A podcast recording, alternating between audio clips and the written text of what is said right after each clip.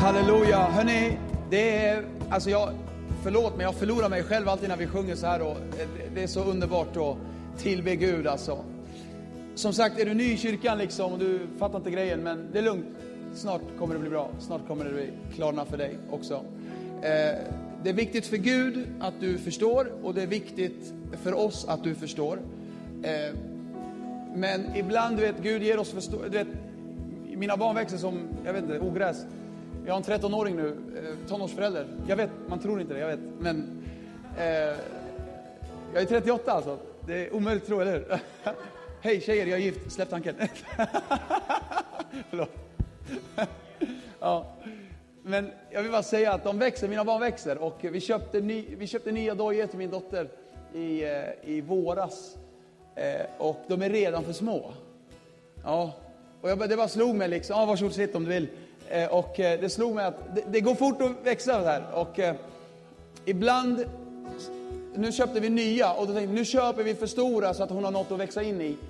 Och det kan vara bra att ibland Gud ger oss för stora kläder, för då har vi något att växa in i. Om inte du fattar allt, det är lugnt. Då har du något att växa in i. Så det är lugnt liksom. Hörni, supervälkomna till Ena kyrkan. By the way, vilket bra namn på en kyrka, eller hur? Ena kyrkan. Det är jättebra, verkligen. Lätt att liksom, kyrka, ena, ena, en, hålla ihop, en, enig, ena. Ja, det är bra, grymt. Hörni, eh, Tiglet Malkej heter jag. Tack så jättemycket kära bandet. Ni kan slå er ner och komma tillbaka snart. Ge dem en applåd hörni! Vilken, vilket team! Och eh, jag har en predikan idag som heter, eh, eller jag, innan, jag läs, innan jag säger vad den heter så, så vill jag läsa ett bibelord för dig. Um, jag vill läsa ett uh, bibelord som, som egentligen handlar om sport. Uh, Paulus tar bilden om sport och eh, det blir lite sporttema idag.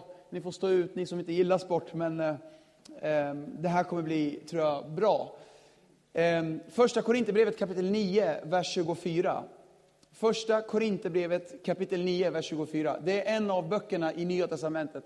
För dig som kanske inte känner till alla de här bibelnamnen sådär. Eh, vet ni inte att av alla löpare som springer på arenan så är det bara en som får priset? Spring så att du vinner. Ja, så alla tävlingsmänniskor sa amen. Alla som tävlar måste ha disciplin i allt. Ehm, de gör det för att vinna en segerkrans som vissnar. Men vi, vi gör det för att vinna en som aldrig vissnar. Jag springer alltså inte utan att ha målet i sikte. Jag boxas inte likt en som slår i luften. Nej, bror, nej. Istället är jag hård mot min kropp och jag tvingar den till lydnad för att inte själv komma till korta när jag predikar för andra. Paulus använder bilden av sport. Han använder bilden av löpning, boxning, eh, och jag tror han gör det för att lära oss andliga lektioner. Eh, och eh, han, jag hoppas idag att, att du sent ska glömma vad jag idag kommer dela. För jag kommer på samma sätt som Paulus ta också bilden av sport för att vi ska lära oss förhoppningsvis en andlig lektion idag. Och det är sporten basket. Hur många gillar basket? Finns det något lag ens här? Ja, det var inte så många. Oj, hjälp, fel publik. Ja, det är Södertälje, Södertälje är faktiskt bäst i, i, eh, i, eh, i Sverige. Jag, jag, jag, kände på något sätt att jag behövde säga det bara. Okej. Okay. Men innan jag går vidare så vill jag visa er en kort film på de bästa reboundsen, eller topp, topp, topp, topp eh, rebounds i NBAs historia. Så här ska ni få se lite, re, rebounds betyder returer. Så varsågod, här ska ni få se en liten film som handlar om eh, returer. Kolla på det här, kolla på den här killen. Eh, alltså retur är att man behöver ta, om man missar ett skott behöver man ta returen liksom. Kolla på den här killen, han ger sig inte, han missar hur många gånger som helst. Men bara för att du missar en gång, två gånger, du kan försöka igen, eller hur?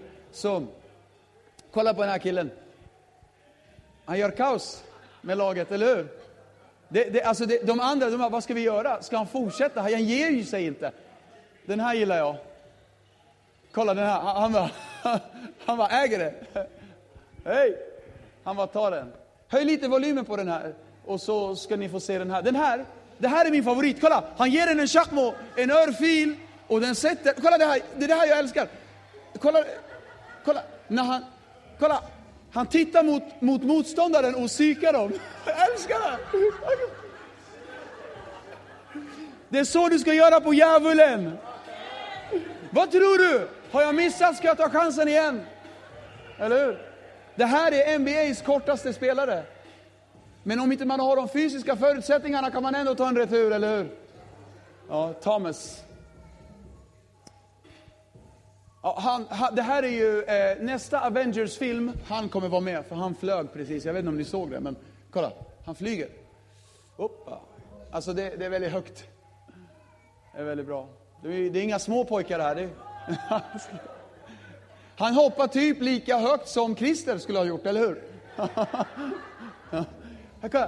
Han, ligger ner och tar en retur. Ehm, du kanske ligger efter en prövning, men du kan ändå ta returen. Okej. Okay. Det här är Larry Bird. Det här är Larry Bird för alla gamlingar. Eh, Larry Bird var legenden. Han var till och med vit och kunde spela basket. Det är ofattbart, jag vet. Vita kan ju inte spela basket. Ja. ja. Jag såg inte vad han gjorde. Ja, ja just, det. ja eh, just det. Han tar den med en hand. Killen han står bredvid är, är den starkaste spelaren i laget och ändå tar han returen under hans bröst, typ. Så Ja, det är tungt. Det här är också bra. Kolla, kolla, kolla, kolla. Ge dig inte. Hoppa, hopp, hopp, hopp, hopp, hopp. Hey! Han tog den. Okej. Okay. Ni undrar nu, vart ska det här ta vägen? Var inte orolig. Predikan idag heter Returen. Returen, returen. I basket är det fem mot fem på plan. Båda sidorna spelar offense och defense. De dribblar, skjuter, passar, det är mycket fram och tillbaka. Jag vet inte om ni har varit på en basketmatch, men det, är mycket, det händer mycket hela tiden. Det är fram och tillbaka, fram och tillbaka. Men det finns en del i matchen som jag skulle vilja eh, ta som en, eh, en liknelse för oss idag. Och det är det som kallas för rebound. Rebound i varje lag i NBA. NBA är eh, högsta ligan i världen. Det är i USA, i Nordamerika. Och eh, högsta, högsta eh, ligan i världen. Och i varje lag så söker man medvetet efter spelare som är starka på returer. Eh, man letar spelare som är bra på returer. Deras syfte i laget är att äga under kassen. Och de är extremt värdefulla för sina lag. Och de är väldigt, väldigt dyra att köpa. En del av dem kan inte skjuta ett skott, de puffar och huppar, de, de gör ingenting. De, alltså de bara lunkar runt i matchen. De puttas lite här och där. Men deras time to shine är, det är när ett, någon i laget missar ett skott. Eller när det blir en retur. Det är då de ska briljera. Det är då de ska ta returen. Det är då de ska äga under kassen och de tjänar fett med miljoner för att göra den grejen. Anledningen varför returen är så viktig, och hör det här, för det här är hela poängen med hela min predikan idag. Eh, Anledningen varför returen är så viktig i basket är för att man missar fler skott än de man sätter. Eh, eh, och därför behöver de lära sig att ta returerna för att ens kunna vinna matchen. Det är inte alls ovanligt att, det, eh, det, det är väldigt, det händer inte att något lag sätter 50% av sina första skott. Förra årets NBA-statistik visar det, som, det lag som hade högst statistik på en match och sätta eh, hur, procentuellt, hur mycket sätter de på första skott? 43 procent. Det var det högsta. Snittet ligger på eh, 38 procent av första skotten. Det innebär att man missar fler skott än de man sätter och om inte man tar returen, då kommer man inte vinna matchen. I college-nivå går det ner till 30 procent. I Sveriges högsta liga är det 28 procent. Jag tror att det här är inte bara sant i basket. Det är också sant i livet. Returerna i livet är jätteviktiga. Vi har alla skjutit skott, vi har alla satsat på grejer och missat. Vi, alla, vi har också satsat på grejer och lyckats. Du sökte det där jobbet och du fick det. Du sökte den där lägenheten och du fick den. Du, du frågade den där guzzen på dejt, hon sa ja, ja. alltså guzz är tjej. Men vi har också alla misslyckats. En del har missat, missat i sitt äktenskap, en del har missat i sina arbetsplatser, en del har missat i livet, en del har missat på olika sätt. En del har missat på olika sätt. Du, du hoppades på att få liksom en möjlighet att liksom komma in på en utbildning och du fick inte den. Och du missade. Man får fett med uppmärksamhet när man gör mål. Men vad gör du när du missar? Vad gör du när du har misslyckats? Det är returerna, lyssna, det är returen som avgör om du kommer vinna livet. Om du inte lär dig att ta returen, då kommer motståndaren få ett tillfälle att utnyttja din miss. Men vad gör du när du förväntar dig att höra nätets swish men hör ingenting? Vad gör du när du förväntar dig att höra publikens applåder och alla likar bilden på Instagram men ingen gör det? Vad gör du när det är tyst, när du förväntar dig applåder men det är helt knäpptyst? Vad gör du när du trodde att du skulle vinna men du förlorar? Jag tror inte Gud är så bekymrad över de missade skotten. Jag tror Gud är mycket mer bekymrad över alla returer vi inte tar. Jag predikar idag Klagovisorna kapitel 3, vers 22. Det är Guds nåd att det inte är ute med oss. Att det inte är slut på Guds barmhärtighet. Läs det sista med mig, för jag älskar det. Den är ny varje morgon. Ja, stor är din trofasthet. Jag predikar idag Mika kapitel 7, vers 7. Jag älskar den här versen. Jag har strykit under den så många gånger i min bibel, det har blivit hår på baksidan. Men jag ska skåda efter Herren. Jag ska hoppas på min frälsnings Gud. Och Gud ska höra mig. Och så säger han, precis som den här killen som psykar bänken. Gläd dig inte över mig, du min fiende. Har jag fallit ska jag resa mig igen. Come on! Har jag fallit ska jag resa mig igen. Säg det till, liksom, säg det till alla omständigheter. Har jag fallit? Well, jag ska ta returen på det här. Jag ska ställa mig upp igen. Har jag fallit ska jag resa mig igen. Varför då? Och sitter jag i mörker? Vadå? Då är Herren mitt ljus. Amen. Jag ska skåda efter Gud när jag har missat. Jag ska blicka mot Gud. Varifrån ska min hjälp komma? Min hjälp kommer ifrån Herren som har gjort himmel och jord. Du kanske har missat, men hör, Gud är fortfarande för dig. Gud har fortfarande en plan. Gud har inte dumpat dig. Så arise and shine och låt Guds godhet gå upp över dig och se vad hans nåd kan göra med ditt liv. Det är inte tid att sätta sig på läktaren. Det är inte tid att sluta. Nu är stunden att resa sig upp igen och säga Gud, ge mig kraften att studsa upp igen. En tennisboll, har du tänkt på en tennisboll? En tennisboll eh, funkar så här. Lika hårt som du kastar ner den är lika mycket den kommer upp. Om du ger den en liten studs, så här, släpper den så här, då studsar den lika mycket som, som den kraften släpptes ner på. Men ju hårdare du kastar den, desto mer kommer den upp. Och jag tror att i varje prövning vi genomgår i livet, så finns det varje prövning har en studs inbyggd. Ju hårdare djävulen kastar ner dig, desto starkare kommer nåden ta upp dig. Har du en liten prövning, ja, det blir bara lite. Jag önskar jag hade en tennisboll och skulle kasta den på er. Men för att det illustrerar vad jag menar, det finns en studs inbyggd i varje prövning. Det här var inte ämnat för att du ska misslyckas och ligga kvar i ditt missmod. Det här var ämnat för att du ska arise and shine och låta Guds godhet gå upp över dig. Så att du har en historia att berätta för dina vänner. Ja, jag föll, men jag reste mig igen. Och om du reser dig igen, då kommer det ge mod till andra att resa sig igen, att inte ge upp, att kämpa vidare. För att Gud är min styrka och jag har stöd i kyrkan. En läkare som är sjuk opererar inte på sig själv, en läkare söker upp andra läkare. Tro inte att du är livegen, du behöver bröder och systrar, vi behöver varandra, vi behöver teamet. Du behöver kyrkan, du behöver gemenskapen. Du vet när du blöder, då kan någon plåstra om dig. När du inte når, liksom, alltid när jag når inte när jag ska duscha mig, du når inte min rygg. Du, kom Habibi, Habibi Lotta kom! Skrubba min rygg Habibi! Hon skrubbar min rygg. Åh, nu igen. Och så går hon. Du klarar inte allt själv, du behöver människor omkring dig. Det är inte tid att sätta sig på läktaren, det är inte tid att sluta. Vet ni om att Predikaren kapitel 3 beskriver 28 säsonger i livet? 28 säsonger i livet.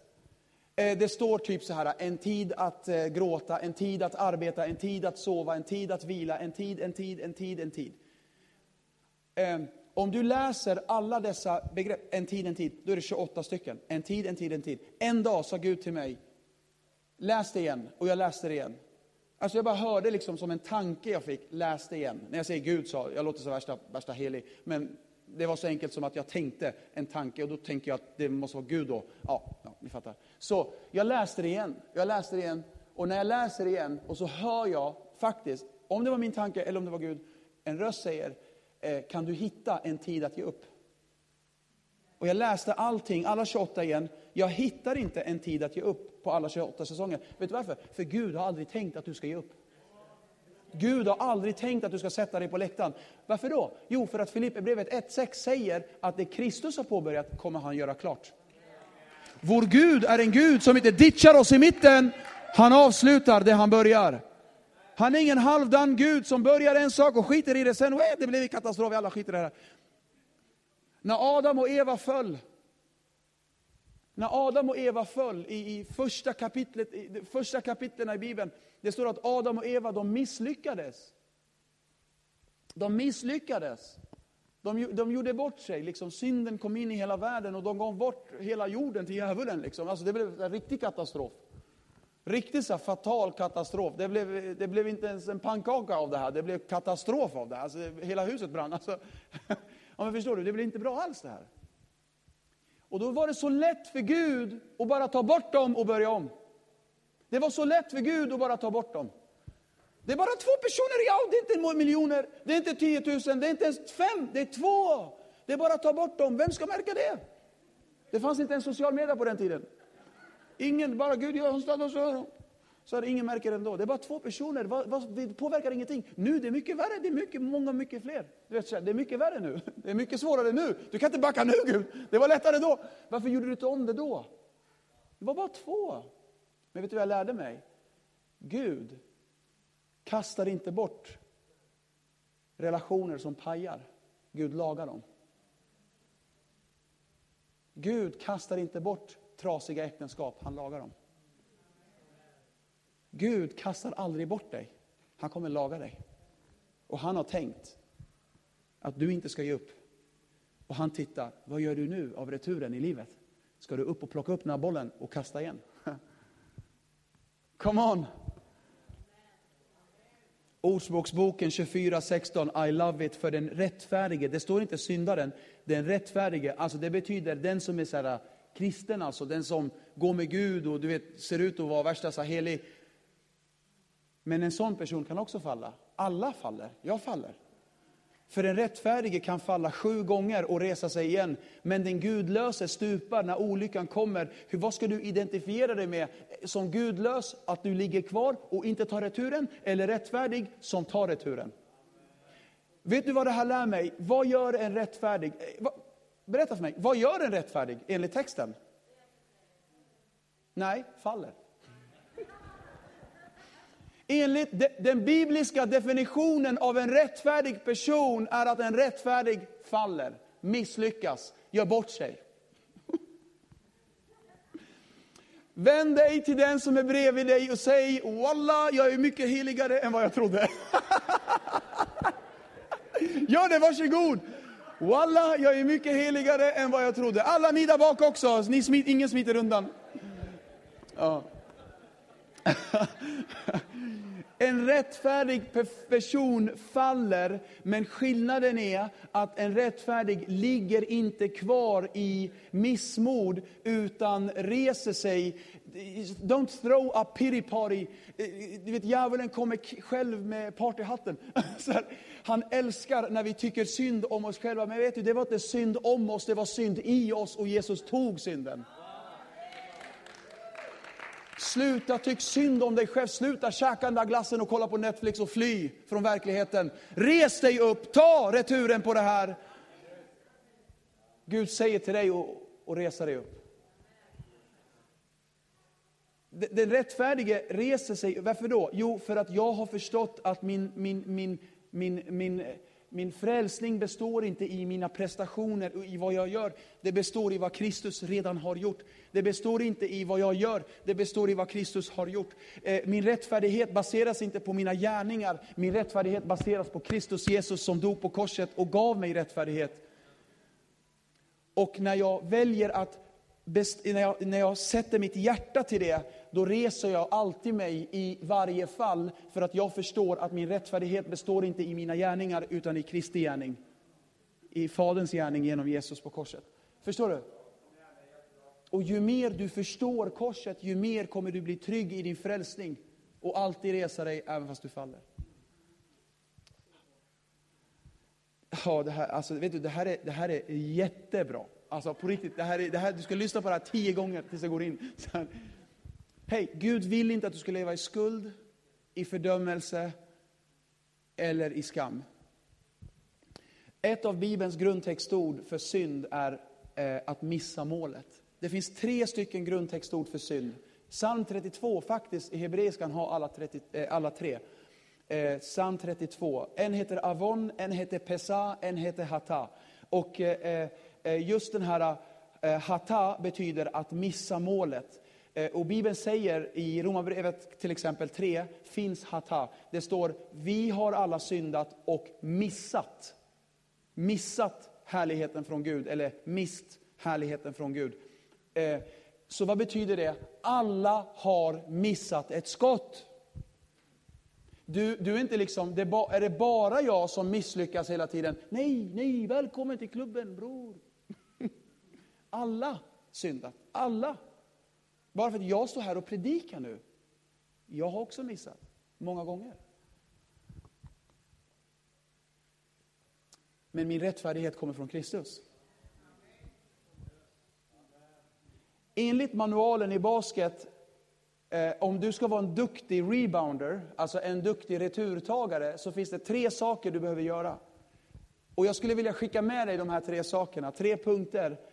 Nummer ett, Alltså när jag läste de här tre grejerna, jag bara, are you kidding me? Du gör det för lätt för mig Gud. Det är som att ta bollen och smasha den på volley. Alltså det var så bra punkter, det var som att läsa Bibeln. Här kommer de. Nummer ett, håll dina knän böjda. Hmm, vart ska du med det? Well, hur bra predikant är du? Håll dina knän böjda! Griper du med mig? Är det det första du ska göra? Det första du ska göra för att vara en duktig eh, returtagare, det är att du behöver hålla dina knän böjda. Vet du vad det betyder för mig? Var snabb till omvändelse. Var snabb, var mjuk i ditt hjärta. Omvänd dig snabbt. Var snabb och säga förlåt. Hemma hos oss säger vi, den som säger förlåt först har vunnit. förlåt! Eh, vad, vad, betyder det? Om du ska lära dig att ta livets returer, om du ska lära dig att liksom inte se misslyckandet som final, utan se det bara som en transportsträcka mot nästa mål. Eh, om, om du ska lära dig att ta livets returer, så behöver du lära dig att hålla dina knän böjda. Och för mig betyder det att vara kvick i rörlighet. Att liksom vara, vara, vara alert, vara alert och bara ha knäna böjda. För du vet att någon gång kommer jag missa, well, då behöver jag vara redo att ta returen. Håll knäna böjda för mig innebär också det Jesus säger i, i Matteus 5, saliga är ni när ni sörjer. Eh, och när jag, när jag var nykristen, eh, och då läste jag det där, saliga är ni om ni sörjer. Alltså på riktigt, jag trodde det hade med sorg, alltså om, man, om någon har dött så här, så ska man vara, då är man lycklig liksom. Eh, typ att det är därför det är så deppigt i kyrkan typ. Eh, och, och alla är så deppiga i kyrkan, för det, det, det är fint. Så här. Det är fint med begravning. Det, det var någon, jag, jag kommer ihåg, jag bjöd in en kille, en kompis i kyrkan, bara kom till kyrkan med mig. Nej, det känns så sorgligt. varför då? Nej, men det, det, det, bara, jag blir bara ledsen, liksom. jag tänker på begravning. Bara, varför då? För den enda association han hade med kyrkan var sorg. Det var begravningar och sådana tillfällen. Det var, tänk, jag bara, alltså, kyrkan ska vara den gladaste platsen på jorden, för vår Gud är väldigt glad, visste du det? Det står att Jesus var gladare än alla sina medbröder, det borde synas på hans folk också då. Det krävs 72 muskelgrupper i ansiktet för att le. Det krävs 108 muskelgrupper i ansiktet för att rynka på pannan. Får jag ge dig ett tips? Slappna av och var glad. Saliga är ni om ni sörjer betyder inte sorg. Saliga är ni om ni sörjer betyder att, ordet sorg där betyder sorg över synd. Saliga är ni om ni sörjer över era synder. Varför då? För då ska ni få förlåtelse. Då ska ni få nåd. Saliga är vi när vi känner efter. Och när vi, när vi inte känner efter längre, när det blir apati i hjärtat, när vi inte ens bryr oss längre, när synden bara går av farten och vi bryr oss inte längre om Guds nåd, vi bryr oss inte. Det är då det är tunn is, det är då det är farligt. Det, är saligt, det, lycklig är du när eh, känsligheten är kvar. När du blir bruten över saker, när du vill omvända dig. Salig är du och den som, är, den som sörjer över synden ska få nåd.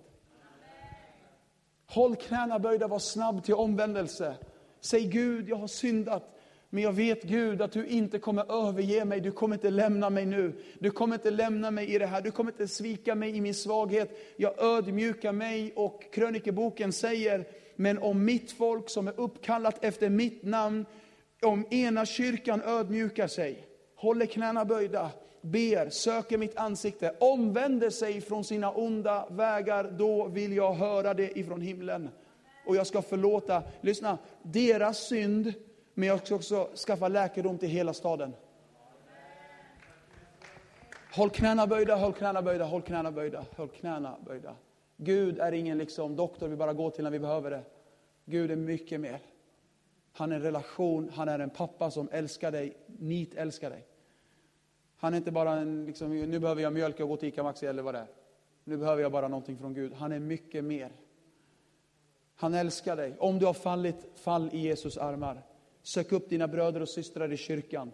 Och vad motståndaren, djävulen, säger till dig i den stunden, det är be inte. Du är inte värd Guds nåd. Gud älskar inte dig. Du borde inte leva. Eh, du borde ligga kvar i ditt missmod. Men vet du, om du bara håller knäna böjda, då spelar det ingen roll vad du har genomgått, konkurs, skilsmässa, eller besvikelse eller sorg. Håll knäna böjda, så kommer du ta returen på det här. För Bibeln lovar i psalm 30 följande, på kvällen gästar gråt, men på morgonen kommer jubel.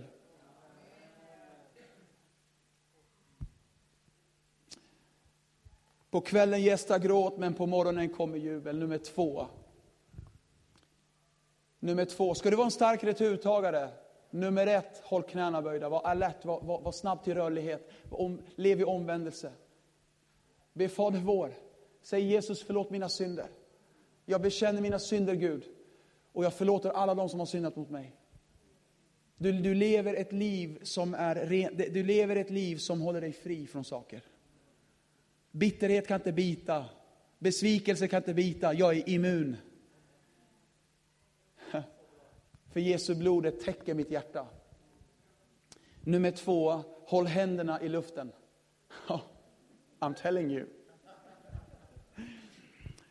Jag tänker fortsätta böja mina knän inför Fadern, men jag tänker också fortsätta be och tillbe, för tillbedjan är trons språk. Tillbedjan säger att jag vet att jag inte har seger just nu, men jag vet att the end of the day så kommer jag att vinna och jag sjunger i den här sången just nu. Och, och du vet, hej, bara, bara liksom, ja, ja, det är som det är, men jag kommer ändå prisa min Gud. Det, det, största statement av tro i hela Bibeln tycker jag, det är de här tre killarna som, det finns en berättelse om tre pojkar som kastas i en eld.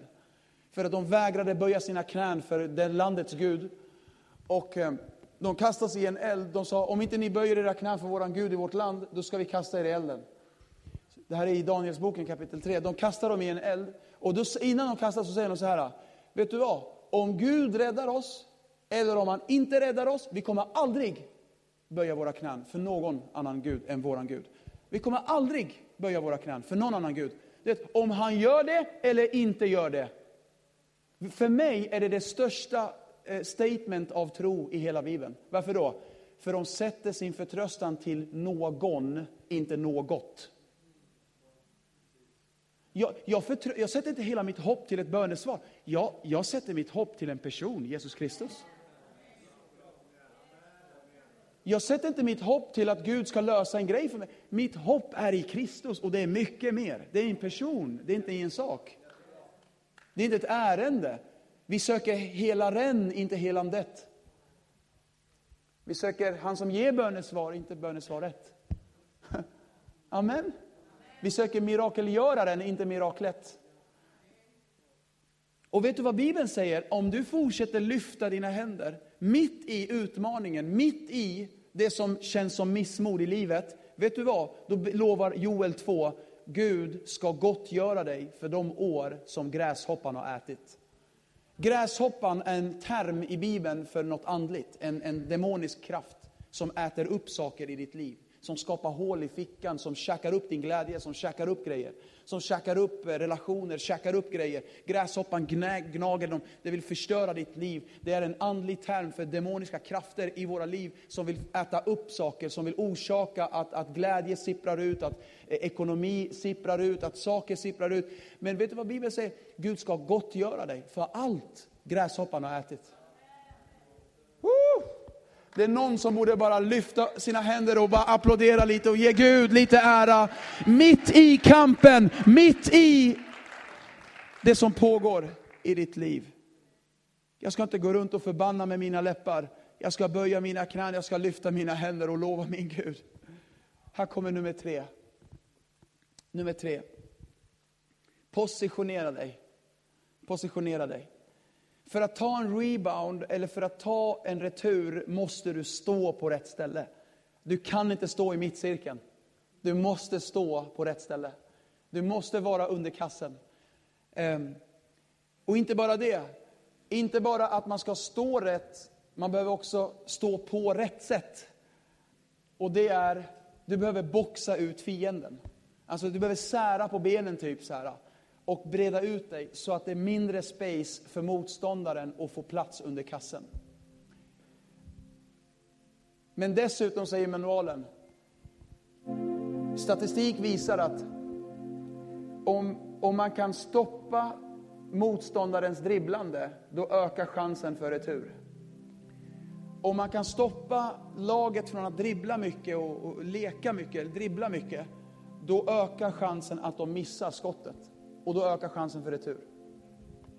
Jag tror, jag tror att somliga behöver stoppa fiendens dribblande. Stoppa dribblandet, det här, det här leket i huvudet. Att där tankarna får bara eskalera i orenhet och, och eskalera, det bara dribblar i huvudet. Stoppa det Jesus, stoppa det, vad snäpps det, stoppa det. Stäng av.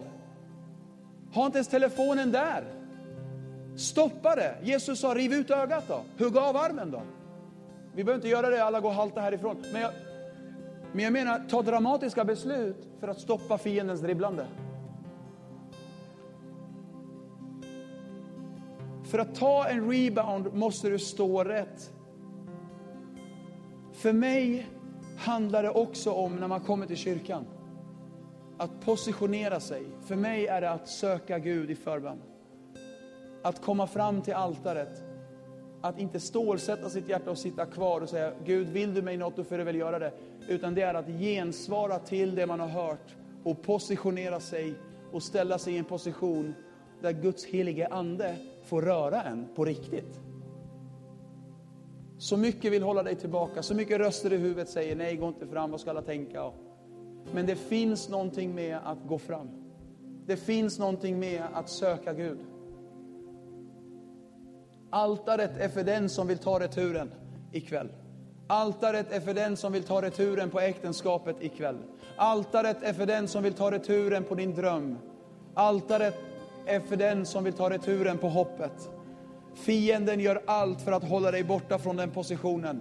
Han gör allt för att blocka ut dig. Men det finns någonting med att komma till altaret, att böja sig under Gud, be om hjälp, be om nåd, att böja sina knän, lyfta sina händer och säga jag bryr mig inte vad folk tycker, jag ska bara ha dig Gud. En del behöver göra som Josua gjorde i Josua bok, när han drar fram fem kungar ur en grotta. Han tar fram dem och han säger till sina generaler, sätt foten på nacken på dem. Sätt foten på nacken på dem och hugg huvudet av dem. Jag vet, det låter helt brutalt. Men det finns en andlig lektion i detta. En del behöver ta fram saker ur grottan i livet. En del behöver ta fram alkoholen och sätta foten på nacken på den vid altaret och hugg halsen av dig i Jesu namn. En del behöver sätta foten på nacken på övergreppet, på skammen, på skulden, på misslyckandet och hugg halsen av det. Misslyckande ska inte definiera mig. Förlust och sorg ska inte vara min nya mantel. Det ska inte vara kejsarens nya stil det här. Försiktigt jante, aldrig prisa Gud, vågar ingenting, aldrig vågar jag säga någonting. Hugg halsen av det. Sätt foten på nacken på fruktan, människofruktan. Sätt foten på nacken på jante, sätt foten på nacken på missmod, sätt foten på nacken på att tycka synd om dig själv. Sätt foten på nacken på ånger, på övergrepp, på skuld, på bitterhet, på oförlåtelse, på beroende, på heroin, på vad det än är. På anorexia, på bulimi, på, på, eh, på ohälsa, på vad det än är. Sätt foten på nacken på det och det är slut nu. Dra fram det från grottan. Gör som Josua. Kom hit Olle, kom hit, kom hit Olle. Sätt foten på nacken på det. Simson missade jättemycket i sitt liv. Och det såg ut som att allt var slut. Men i Domarboken kapitel 16, vers 22 står det att hans huvudhår började växa ut igen. Jag vet, det låter jättekonstigt, men det, det, det fanns ett löfte med hans hår. Det fanns ett löfte att liksom ingen rakkniv skulle röra hans hår. Och när det står att hans huvudhår börjar växa ut igen, då är det en bild för oss att, att kallelsen börjar brinna igen i hjärtat. Det börjar bubbla igen på insidan. Drömmen börjar spira igen. Hoppet börjar leva igen. Smörjelsen börjar rinna, rinna till igen. Kraften, nåden kom tillbaka. Någonting hände. Han, han, han, han ångrade sig i, i, i det. Han, han tog returen och han bad Gud om nåd och huvudhåret började växa ut. Om du ber Gud om nåd, om du positionerar dig ikväll, så ska Gud låta håret växa ut igen. Oh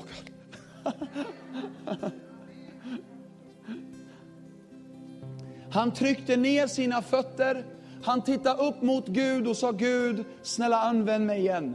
Jag har sumpat chans efter chans, men hur många vet att det är det sista varvet som avgör hela loppet? Istället för att springa efter Gud, han sprang efter varenda tjej. Och det, det drog honom bort från Gud.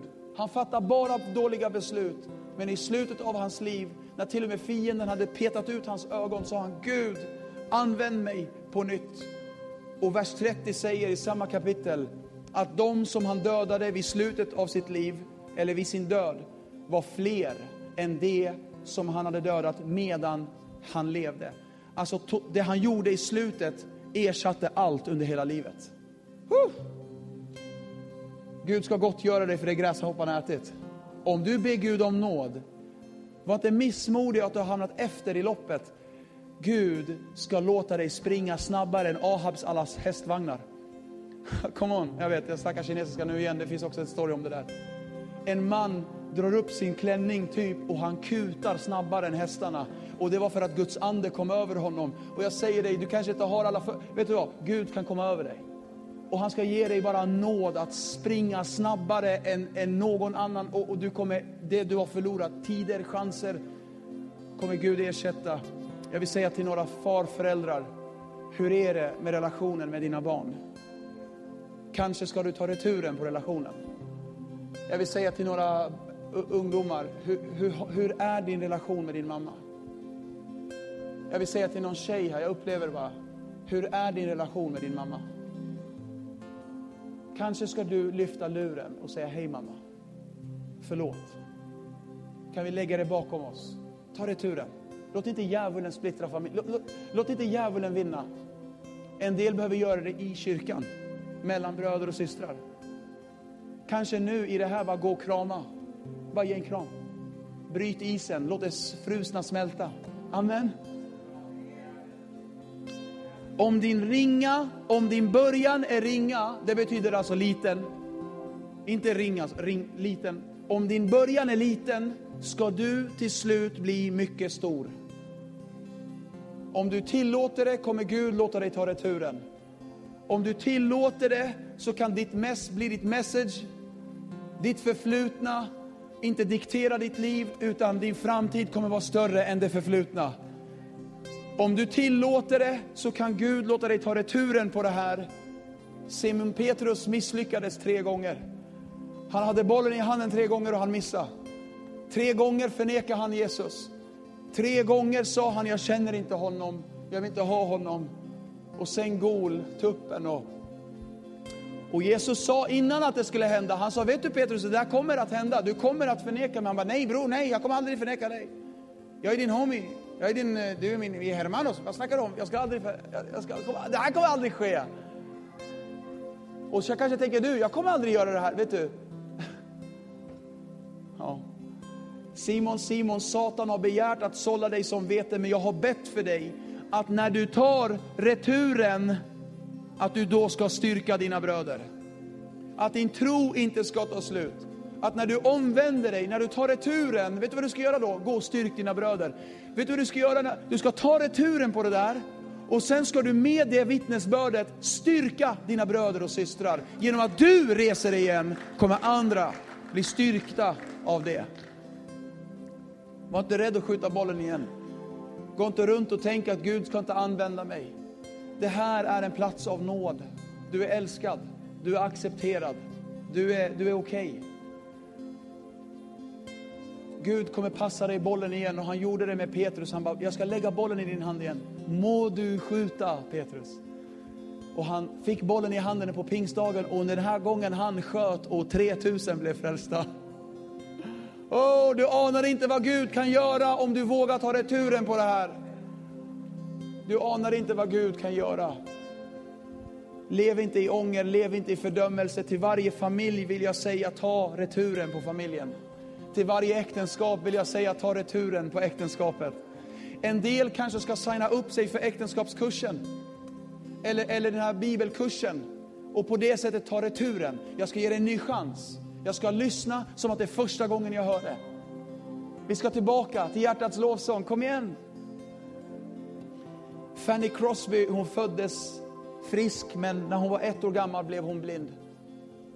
Fanny Crosby är eh, eh metodiströrelsens, kan man säga, kändaste låtskrivare. Eh, än idag tror man inte någon har skrivit lika mycket lovsånger som sjungs och erkänns idag som Fanny Crosby. Över 2000 sånger har hon skrivit. Fanny Crosby. Eh, och, och en, en, reporter eh, frågade henne vid ett tillfälle Fanny, eh, tänk, tänk vad Gud har begåvat dig med sån förmåga att skriva såna grymma texter. Vi, vad du är grym på att skriva låttexter, vad bra du är på att hjälpa oss att lovsjunga. Vad bra du är, vad profetisk du är. Och så sa hon, men tänk om Gud också kan, kunde gett dig din syn. Men istället för att tycka synd om sig själv då, då säger Fanny Crosby de här kända orden. Jag skulle aldrig be honom om min syn. För jag vet att det första mina ögon kommer se när jag öppnar dem i himlen kommer vara min Messias. Hon skrev de här orden. Blessed assurance, Jesus is mine. Oh, what a foretaste of glory divine. Kan du den? Hero salvation, purchase of God. Born of his spirit, washed in his blood. For this is my story, this is my song, praising my Savior all the day long. Kan du den på svenska? Ska vi stå upp och sjunga den och ta returen i Jesu namn? För han är min glädje, för han är min sång. Honom jag prisar livsdagen lång. Eh. Bara sjung det till honom och ta returen just nu. Yeah. Han är min sång. Bara sjung det till honom. Honom jag prisar livsdagen lång. Han är min glädje, han är min sång. Honom jag prisar. Vi sjunger igen. Och somliga behöver bara bestämma sig, jag tar returen på det här. Han är min glädje. Han, ligg inte kvar i missmod. Sluta tyck synd om dig själv nu. Det är tid att resa sig i Jesu namn. Livsdagen lång. Han är min glädje. Han är min sång. Honom jag prisar.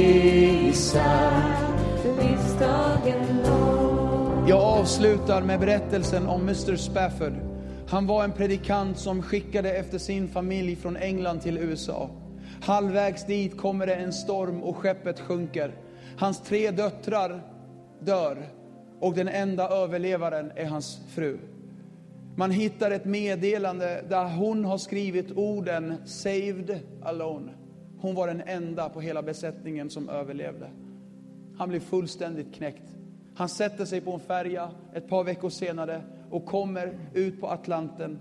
Och han säger till besättningen, snälla väck mig när vi kommer till den plats där mina döttrar ligger begravda.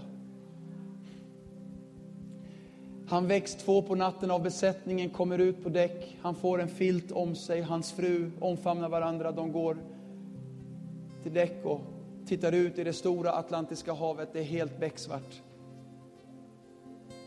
Han tittar ut och tänker, här någonstans ligger mina döttrar.